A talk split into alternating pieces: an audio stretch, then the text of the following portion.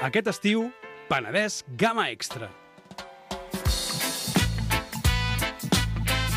Tornem a saludar la Glòria Forns, coach especialitzada en PNL, intel·ligència emocional i benestar a les empreses, que aquest estiu ens porta aquesta simpàtica proposta de coaching amb xancletes. Glòria, ben tornada. Bon dia, Sílvia. Què tal? Com estàs? Contenta de retrobar-te perquè intueixo, després d'una primera sessió, que ens ho passarem bé i que aprendrem, que ens serà útil totes aquestes coses, tots aquests recursos que aniràs comentant aquí setmana a setmana. Sí, intentarem seguir posant les xancletes amb la frescor de l'estiu i, i fer que allò que comentem soni lleuger, no? Lleuger com, no sé, com prendre's um, una horxata a última hora de la tarda, amb una terrassa, i sentir que, que no ens pesa res, que estem de vacances. I que no faci mandra, que ens exacte. ho entomem amb ganes. Ah, exacte, exacte. Avui el coaching amb xancletes, la Glòria Forns ens proposa liderar el nostre propi benestar. No mm -hmm. deixar-ho a mans dels altres, eh? Si nosaltres qui agafem el timó. Correcte. Um, la proposta és perquè crec personalment, i, i, i és cert que en el coaching és uh, fonamental entendre aquest concepte, la responsabilitat de sentir-se bé està en un mateix, sempre buscar fora allò que no podem sentir dins és impossible. No podem donar allò que no tenim. Però és més fàcil, no?, culpar o responsabilitzar un element extern? Sempre. Jo crec que, de fet, eh, eh, vivim en aquest tipus de societat. Aquesta cultura eh, ja ens genera eh, això de sentir ah, la culpa d'això, quan hi ha hagut un, algun error, un problema, s'ha detectat alguna cosa que, que s'ha trencat, la culpa és de... I tenim la paraula culpa sempre als llavis. No? Oi que sí? sí? I no ens n'adonem, eh? No. I a vegades quan t'ho fan notar dius, ostres, és veritat. A vegades és que quan hi ha hagut un accident és bo parlar de culpa o potser hem de parlar de responsabilitat en funció de eh, prevenció, eh, posar atenció, eh, ser conscients de que pot haver-hi un accident. Però sempre sorgeix la pregunta, de qui és la culpa? Clar. Sí o no? Exactament. Llavors, en aquest sentit, la proposta pel programa d'avui és nosaltres podem autoliderar responsablement el nostre propi benestar. Perquè al final s'assembla molt, de fet, a, al títol de, del programa de l'estiu, Coaching amb xancletes. Quan necessitem unes xancletes o unes sabates noves, què fem? anem a la sabateria i ens en provem. bueno, posem un parèntesis entremig de lo que és la compra online, i, però al final t'has d'emprovar el que t'arribi i veure si et va bé o no i tornar-ho i tornar a demanar un altre model o un altre número. I per tant, tant, si és online també, eh? Exacte. Quan arriben s'han d'emprovar i potser s'han de tornar. Exacte. De manera que, en qualsevol cas, t'has d'emprovar la xancleta. El benestar és el mateix. Has de provar què és el que et funciona a tu i el que no. I no és, eh, no és fàcil, moltes vegades, eh, no és a vegades tan intuïtiu, tot i que si ens, ens sabem escoltar a nosaltres mateixos, mm, hi ha bons resultats darrere, però val molt la pena, moltíssim la pena. I d'aquí que avui mm, vulgui portar aquest tema per, per aprofundir una mica en, en quines són les bases d'aquest propi benestar i com el podem liderar. Fa mandra, eh? Segurament. Un altre mandra, un altre cop. En, soc em sembla que t'ho diré setmana a setmana, oi? Que saps que ho has de fer, que ho hauries de fer, però ja ho faré. Ara mateix, ara és estiu, escolta, no t'avalis. quina mandra, i quina mandra. Doncs anem a fer-ho una mica fàcil. Començaré una mica, si et sembla, explicant intentaré que lleugerament a, en què es basa aquest eh, propi benestar, no? O sigui, hi ha un model existent que, de fet, s'aplica a les empreses, eh? però que també és molt pràctic a l'hora de parlar del propi benestar, que té a veure amb els processos de deteriorament de la salut o de la motivació a, a, en un mateix. I es basa en quines són les demandes eh, que, que rebem de l'entorn i quins són els recursos dels quals disposem per treballar aquestes demandes, per resoldre-les, per afrontar-les, pel que sigui. El cas és que amb això, si ens posem en, el, en la balança demandes, recursos, és fàcil entendre que si tinc moltíssimes demandes, necessitaré molts recursos per cobrir-les. Perquè si no, la teva balança es desequilibra completament i aquí pot haver-hi un xuf, no? un, un, un, un, una baixada de descàrrega de bateria que fa que tu et sentis totalment exhaust i, i que no puguis amb la teva vida, que això tots ho hem patit en algun moment. Cremat, no?, seguint amb el símil de l'empresa. Totalment. De fet, és uh, aquest model el que, uh, el que és el fonament de, dels mètodes que, que utilitzem per evitar persones cremades dins de l'empresa. Explicar el raonament de que la balança no pot desequilibrar-se i que això té a veure amb l'individu en aquest mateix eh, símil, a títol eh, de vida personal, és fàcil d'entendre que els nostres models de demanda i recursos personals eh, no són inamovibles. La vida és font de canvi. Quan som petits tenim unes demandes més aviat baixes. Quin, quines demandes podem tenir quan Molt bàsiques, no? tenim demandes com ara hem d'anar a l'escola, hem de fer unes extraescolars que segurament ens, ens enganxen i ens, ens engresquen i més que demanda és bueno, un temps que ens requereixen, no? I aquestes demandes, doncs, estan allà. Quines altres demandes podem tenir com a infants? Potser el, el, la sensació que tenim de connexió amb els amics, no? Una mica això. Però en realitat també aquesta connexió amb els amics és un recurs. Quan som infants tenim temps, tenim energia tenim ganes de connectar-nos amb els altres, estem amb els ulls oberts i estem oberts al món, de manera que eh, aquesta balança està molt equilibrada cap als recursos i poc cap a les demandes. Intueixo que això va canviant, eh, amb els anys? Sí, sí, sí, tant. Intueixes bé i segur que ho coneixes. Clar, bé. ho hem experimentat tots i totes, oi? Sí, sí, sí. Segur que qualsevol dels nostres oients és capaç de uh, mm, pensar una mica endarrere en la seva història personal i dir en quin moment va començar a sentir una mica el pes de la responsabilitat. Per exemple, quan eh, marxes de casa dels pares i vas a viure sol, quan t'independitzes, quan comences la teva primera feina, quan comences a pagar mm, factures que ja van directament al teu nom o estàs compartint pis, però d'alguna manera tu ets el responsable de que no falti llum, no falti gas, no falti aigua, i totes aquestes responsabilitats comencen a fer-nos un pes, una, una petita motxilla. Emocional. Després arriba la hipoteca, que en aquest país tots ens hipotequem, eh? Sí, sí, això Tenim aquesta mania. Sí, sí, sí, hi ha altres països que ho veuen més lleugerament, però és veritat que per viure en una casa, eh, jo crec que en qualsevol lloc del món, has de pagar. O sigui, això tant si pagues lloguer com si, com si pagues hipoteca. I el cert és que les demandes van incrementant. I uh, curiosament, la, els recursos van disminuint, perquè sí? passem... És paral·lel? A mesura que creixen unes, baixen els altres? Què necessitem per cobrir les demandes que estem comentant ara? Necessitem diners. Aquests diners com els podem aconseguir? Treballant. I actualment, el model actual de, de, de vida laboral eh, ens demanda 40 hores a la setmana, mínim perquè sabem que hi ha altres professions, o sigui, hi ha moltes professions que demanden inclús més hores. Això fa que el nostre temps s'hagi reduït molt respecte a la infància, per exemple, i, per tant, no tenim tampoc l'energia, perquè la gastem molt en l'àmbit laboral, ni tampoc podem cultivar les relacions que ens aporten eh, connexió. I això fa que vagin minvant aquests recursos. I ara, Sílvia, quin pot ser el proper eh, highlight, el proper cim que ens trobem en la vida. Suposo que formar una família, plantejar-te si arriben els fills, aquest debat, no? I quan arriba, pam! Pam! Tot és una explosió, és explosiu.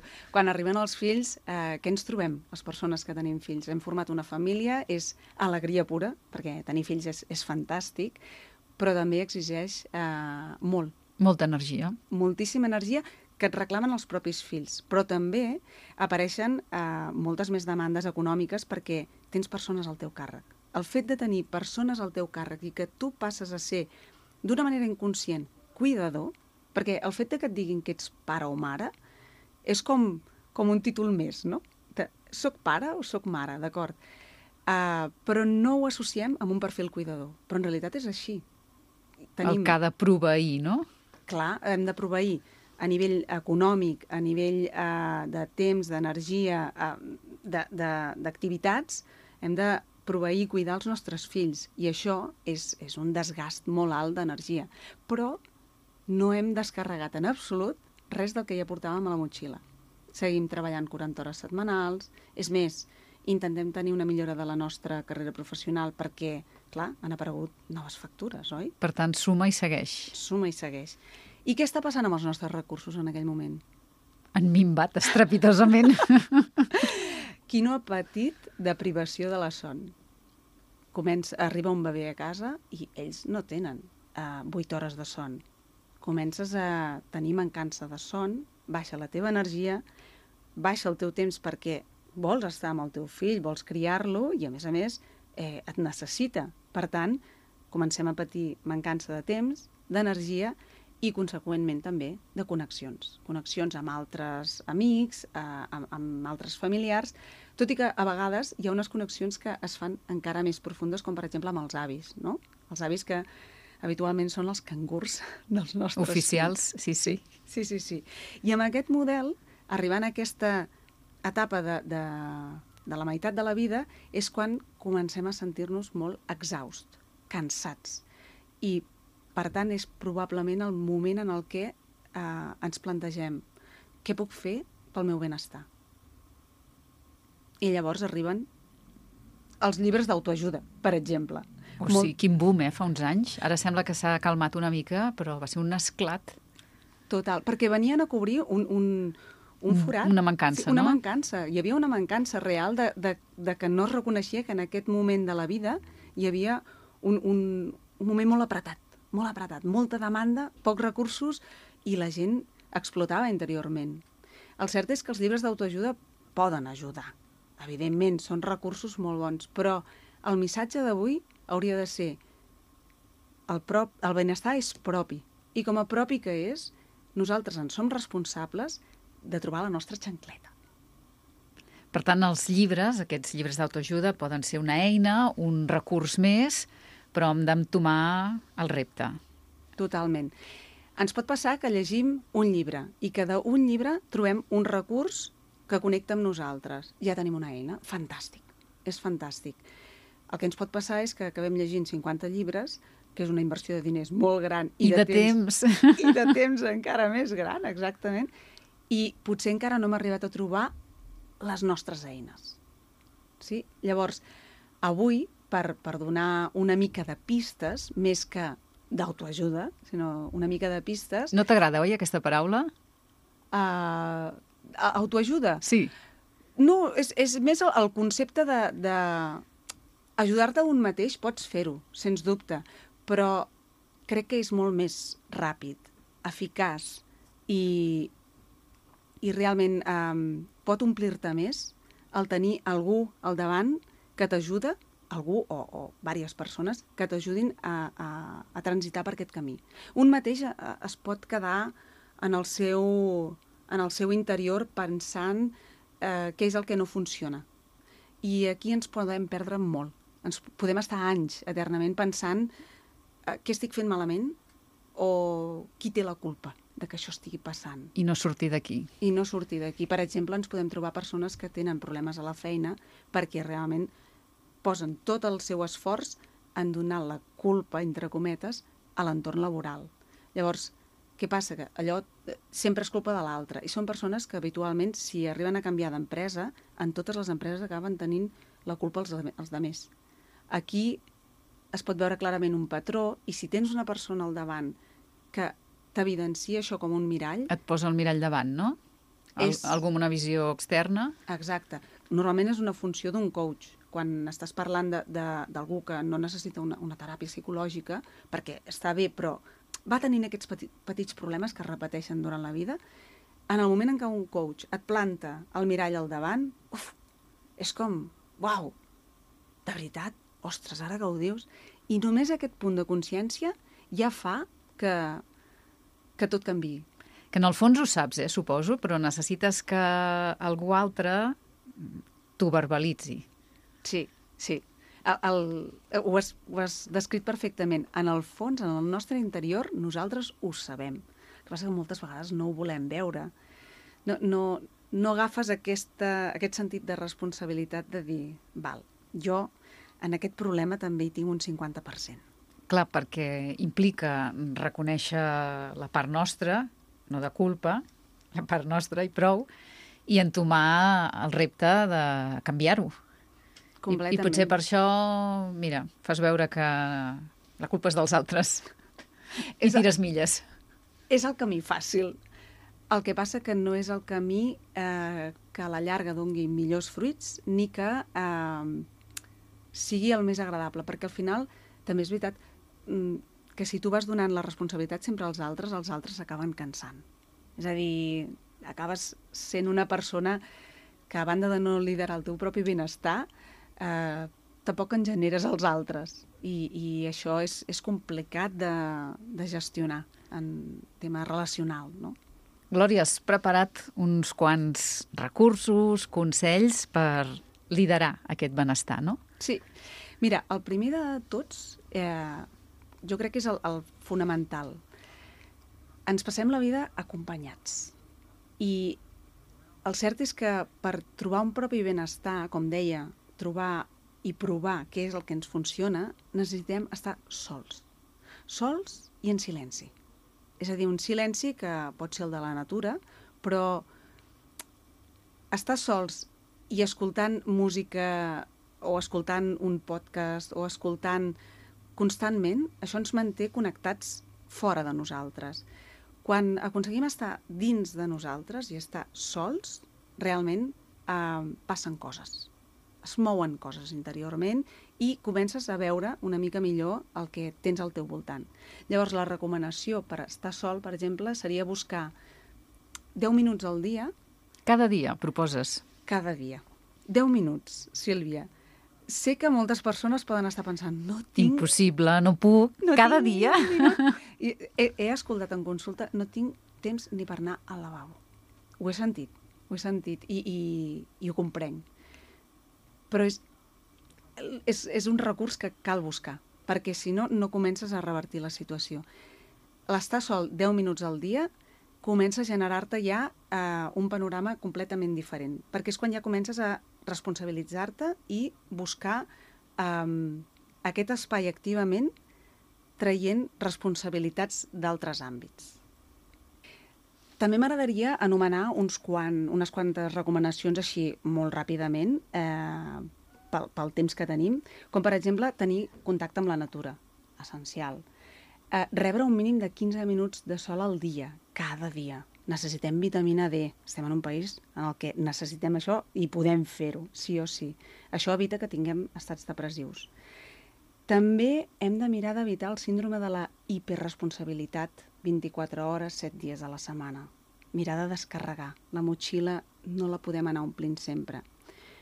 Preguntar-nos si tenim l'opció de parar l'activitat laboral, no de la manera que estem habituats a fer ara, és a dir, Nadal, Setmana Santa, estiu eh, i ja, i, i grans períodes llargs, sinó fer petites parades potser de 4 o 5 dies, allò, separar una mica eh, aquest, aquest gran descans per recarregar la bateria, la pila, que és molt necessari. És important trobar el nostre propi propòsit i saber qui som, saber eh, per, per què se'ns pot conèixer. Aquí hi ha un exercici molt bonic que és seure un moment i escriure què és el que més t'agradava quan eres petit, per poder entendre com eres, què és el que ressaltava de tu i quin talent tens. I és important saber també apreciar el que sí que tenim i acceptar allò que potser no ens agrada tant. I m'agradaria acabar amb, amb dos fonamentals, dos recursos fonamentals que són desintoxicar-se del món digital. Aquí eh, una Quin molt repte. bona... Un repte Ens molt gran. costarà a tots molt, eh? Molt. Però ahir, justament parlant amb una, una gran amiga i coach que es diu Núria González de, de Madrid, em va donar un acrònim que és boníssim per, per filar aquest, des, aquesta desintoxicació, que es diu poder, no? uh, acabat amb R. Para, la P de pare, la O d'observa, la D de desconnecta, la E d'escolta i la R de respira. I això ho hauríem Important, de fer. eh? Ho hauríem de fer una hora al dia, un dia al cap de setmana, un cap de setmana al mes i una setmana a l'any. Ens programem, si cal. Sí cal, sí. Desconnectar del món digital. Sí, sí. Eh? No, no tan sols desconnectar de la família, en- ans al contrari, desconnecta del món digital. Això és pel món digital. I connecta't amb la vida. Això és el que ens ve a dir la Núria. I la última, que suposo que serà la més important, Quan us requerim, hem de demanar ajuda al nostre entorn o a professionals que ens puguin ajudar a tenir aquest mirall que ens ensenyi què ens està passant i quins recursos no estem sabent veure, perquè segur que els tenim. Glòria Forns, moltes gràcies per aquest coaching amb xancletes i tornem d'aquí uns dies. Moltes gràcies a tu, Sílvia.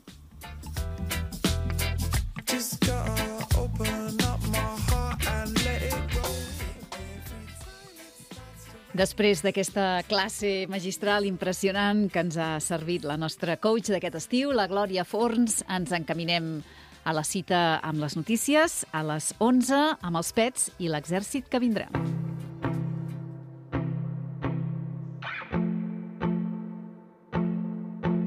L'exèrcit que vindrà no voldrà medalles, no farà soroll de sabres ni canons. No jugarà brut amb cartes marcades, no tindrà sang assecada en els seus sous. L'exèrcit que vindrà serà de rialles, de gent que